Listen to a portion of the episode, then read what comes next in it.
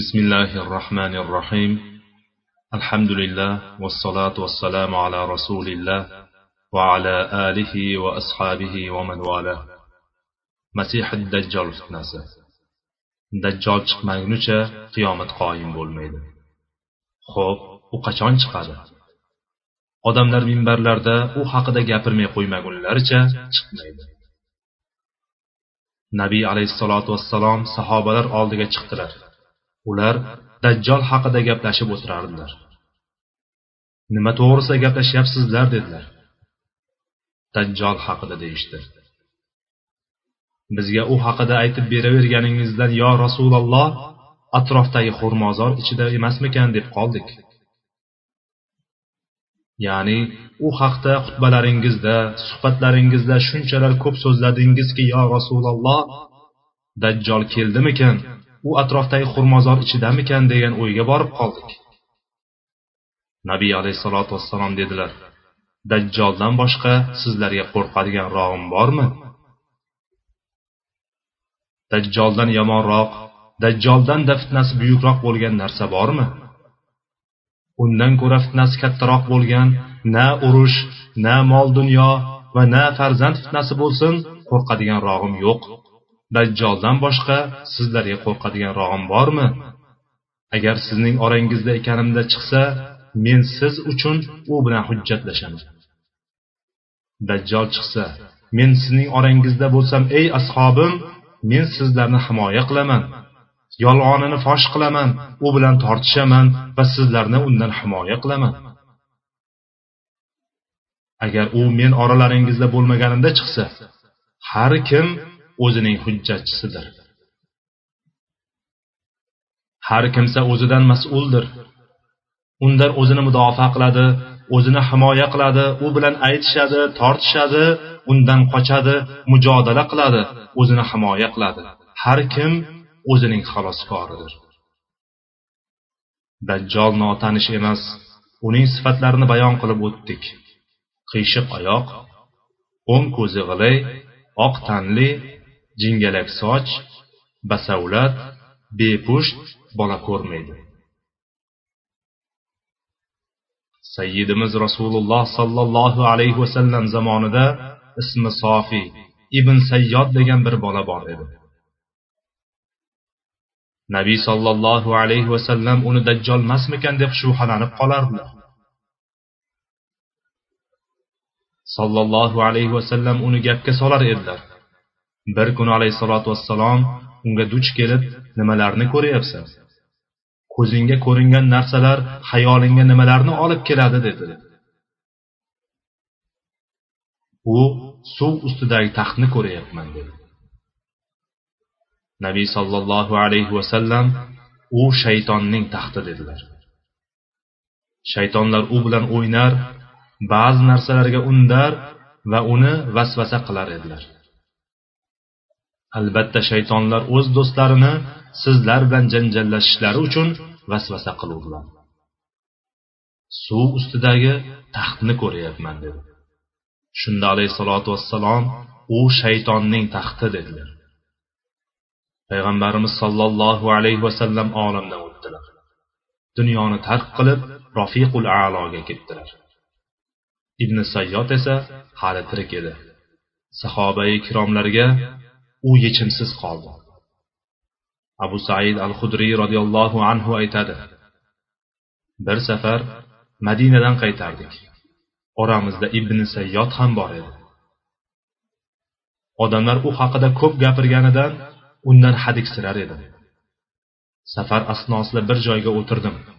Ibn sayyod kelib narsasini mening narsamni yoniga qo'yib kelib yonimga o'tirdi. Undan cho'chidim. Va allohga qasamki yonimdan turib ketsaydi deb o'yladim da unga dedim. Narsangni ho anavi daraxtni tagiga qo'ya qolsangchi? Havo ham juda issiq. U turdi. Allohga qasamki faqat u bilan birga o'tirishnigina yomon ko'rgandim. U turdi da narsasini daraxtning tagiga qo'yib yonimga kelib o'tirdi.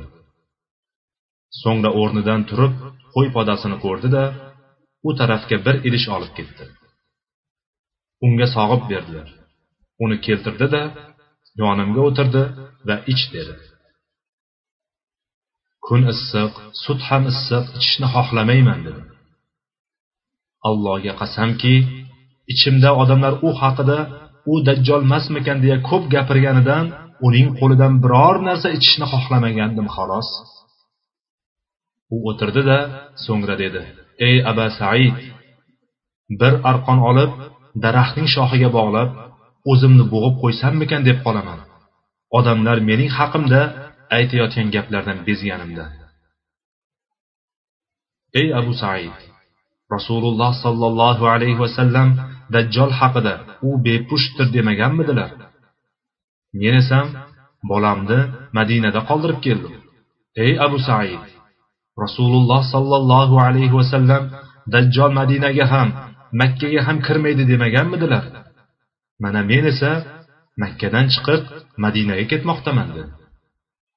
Ey abu said deb odamlar sen dajjolsan sen dajjolsan deyishlaridan undan qo'rqib birga o'tirmasliklaridan u bilan yolg'iz qolishdan xavfsirashlaridan shikoyat qildi. U nabiy sollallohu alayhi vasallam dajjol haqida aytganlari menga mos kelmaydi u bepushdir mening bolam bor. U madinaga ham makkaga ham kirmaydi. Mana men esa makkadan chiqib madinaga ketmoqdaman deyapti. Abu said unga qarab rahmim keldi va unga ishonay deb qoldi. Ya'ni u begunoh bir inson. Odamlar unga zulm qilayotibdiyu dedi. So'ngra u ey abu said ammo men dajjolni qayerdaligini bilaman dedi.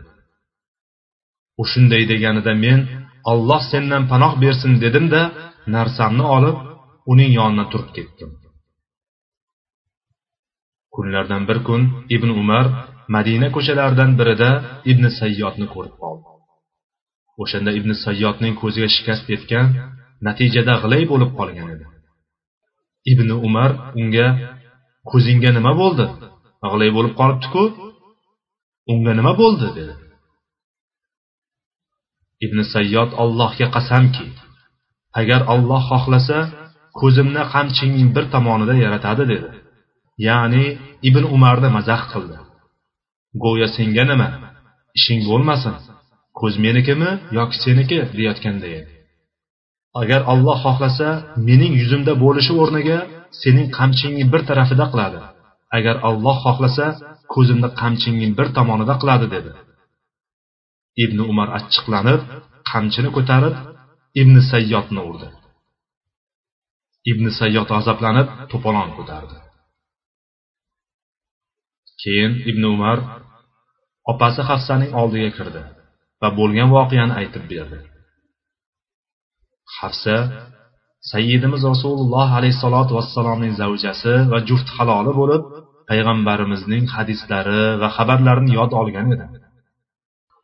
Ibn umar unga ibn sayyodni uchratganini ko'ziga nima bo'lganini so'raganda unga aytgan gapini va shunda achchig'i kelib qamchim bilan uni urganda ibn sayyod g'azablanganini aytib berdi. Hafsa unga nimaga uni jahlini chiqarding? Nimaga achchiqlantirding? Nima uchun g'azablantirding? Nimaga ibn sayyodni g'azablantirasan? dedi. Men rasululloh sollallohu alayhi vasallamning shunday xabar berganlarini eshitganman. Dajjol g'azablanishi tufayli chiqadi. Rasululloh alayhissalotu vassalomga dajjolning xabari sir emas edi. U zot sahobalariga uning sifatlarini xabar berar undan ogohlantirar edilar. To uning holi ochiq ravshan bo'lsinki biror kishiga jumboq bo'lib qolmasin. Aytdilarki u g'ilay robbingiz esa g'ilay emasdir. Uning sochi jingalak qiyshiq oyoq bepusht bola ko'rmaydi haqiqiy oq tanlidir. Bular har bir kishi biladigan sifatlardir.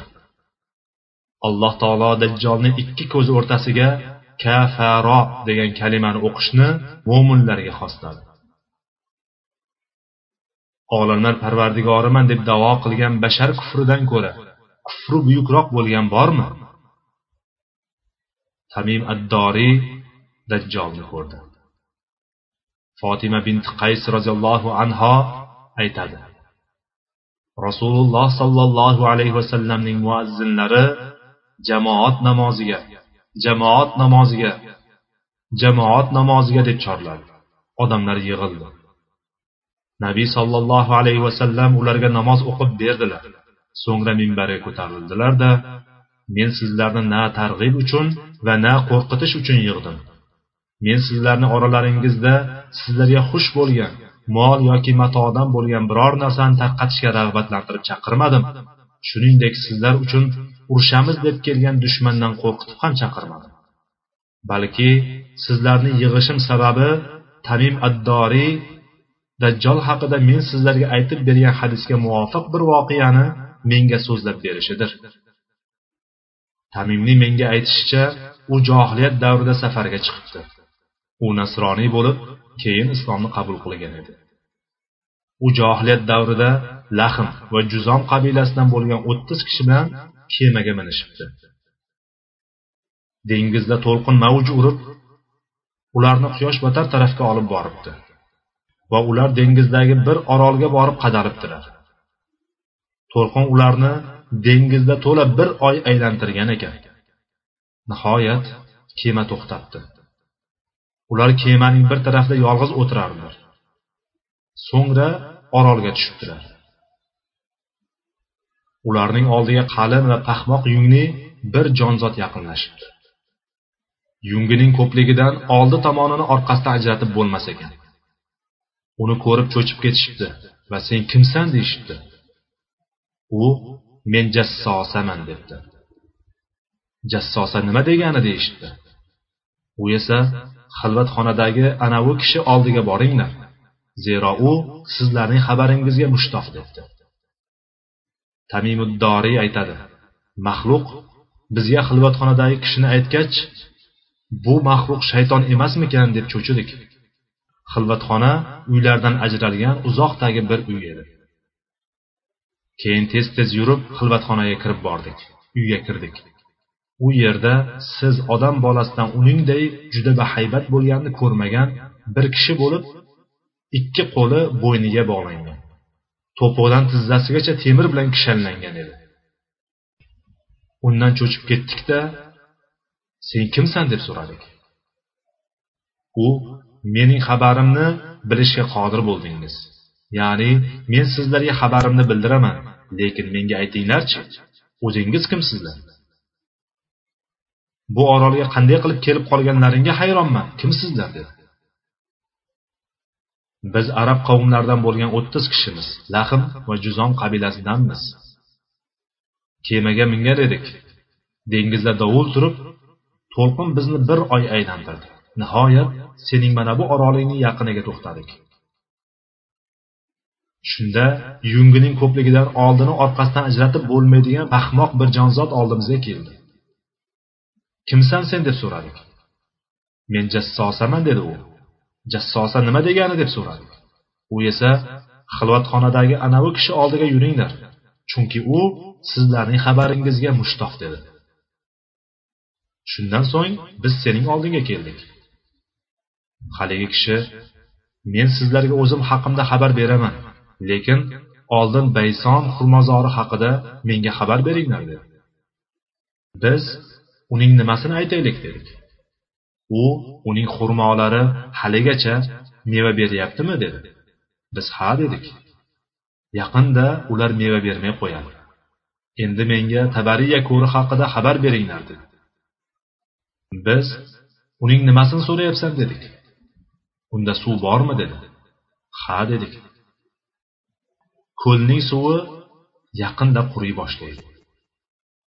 Endi menga ayni zug'ar zug'ar buloq haqida xabar beringlar. Buloqda suv bormi? Odamlar ekinlarini buloq suvi bilan sug'orishadimi deb so'radi. Ha dedik. Ayni zug'or bulog'i o'lik dengiz yaqinida bo'lib hozirda qurib bitgan. Ha buloqning suvi ko'p. Odamlar ekinlarni buloq suvi bilan sug'orishadi dedik. Uning suvi yaqinda quriy boshlaydi dedi. Ummiylar payg'ambar haqida menga xabar beringlarchi u chiqdimi deb so'radilar ha dedik. Odamlar uni tasdiqlashyaptimi dedi. Ha tasdiqlovchilar ham yolg'onchi qilayotganlar ham bor dedik. U dedi ha ular uni tasdiqlashsa o'zlariga yaxshi bo'ladi. Keyin qo'l oyoqlari kishanlangan holatda ularga men dajjolman. Yaqin orada menga chiqish uchun ruxsat beriladi. Shunda men chiqib yer yuzida o'ngni so'lni kezaman. Yer yuzining hammasini aylanib chiqaman. Faqat makka va madinaga kira olmayman chunki ularga kirish menga harom qilingan. Ularning har bir tepaligida ularni qo'riqlab turadigan qilich ko'targan farishtalar bor. Farishta qo'lidagi yalang'och qilichi bilan peshvoz chiqib meni undan to'sadi. So'ngra nabiy sollallohu alayhi vasallam asolarini oldilar. Va salovati robbi vasalamuhu alayhi u bilan minbariga no'qidilar u bilan no'qidilar no'qidilar no'qidilarda toyba mana shu toyba mana shu yerda toyba mana shudir dedilar. Toyba mana shudir unga dajjol kira olmaydi. Toiba mana shudir unga dajjol kira olmaydi. So'ngra sollallohu alayhi vasallam dajjol haqida aytdilarki bilib qo'yinglar dajjol shom dengizida yo'q yoki yaman dengizidadir. Yo'q u mashriq tarafdan chiqadi. Ha u mashriq tarafdan u mashriqdan mashriqdan chiqadi deb sollallohu alayhi vasallam qo'llaridagi asolari bilan minbarlarini no'qilab ta'kidlardi. Madina. Alloh uni ulug'lab masihi dajjol fitnasidan saqladi. Dajjol uning darvozalari qarshisida to'xtaydi. Unga kira olmaydi. Uhud tog'i tarafidan kelgan dajjol rasululloh sollallohu alayhi vasallamning masjidlariga qarab shunday deydi. Bu ahmadning qasri. Bu oq qasr. Bu ahmadning qasri. Bugun rasululloh sollallohu alayhi vasallamning masjidlariga yuqoridan qarasak uni qora toshloq orasida xuddi oq qasr kabi ko'ramiz. Bu ahmadning qasri bu ahmadning qasri dedi. U madinaga kira olmaydi. Har qachon unga kirib uning ahlini dinlarida fitnalantirib o'zining ibodatiga chaqirishga harakat qilsa qarshisida qo'lida yalang'och qilich tutgan farishtaga duch keladi. U uni undan to'sadi. Dajjol madinaga kirishga qodir bo'lmaydi. Payg'ambarimiz sollallohu alayhi vasallam asolar bilan yerga urib bu toiba bu toiba bu toibadir deyishlariga arziydi. U madinaga kira olmaydi. U madinaga yaqinlasha olmaydi. Dajjol makkaga ham kira olmaydi. Uning g'aroyib xabarlaridan hali zikr qilishimizga hojat bo'lgan narsalar bor.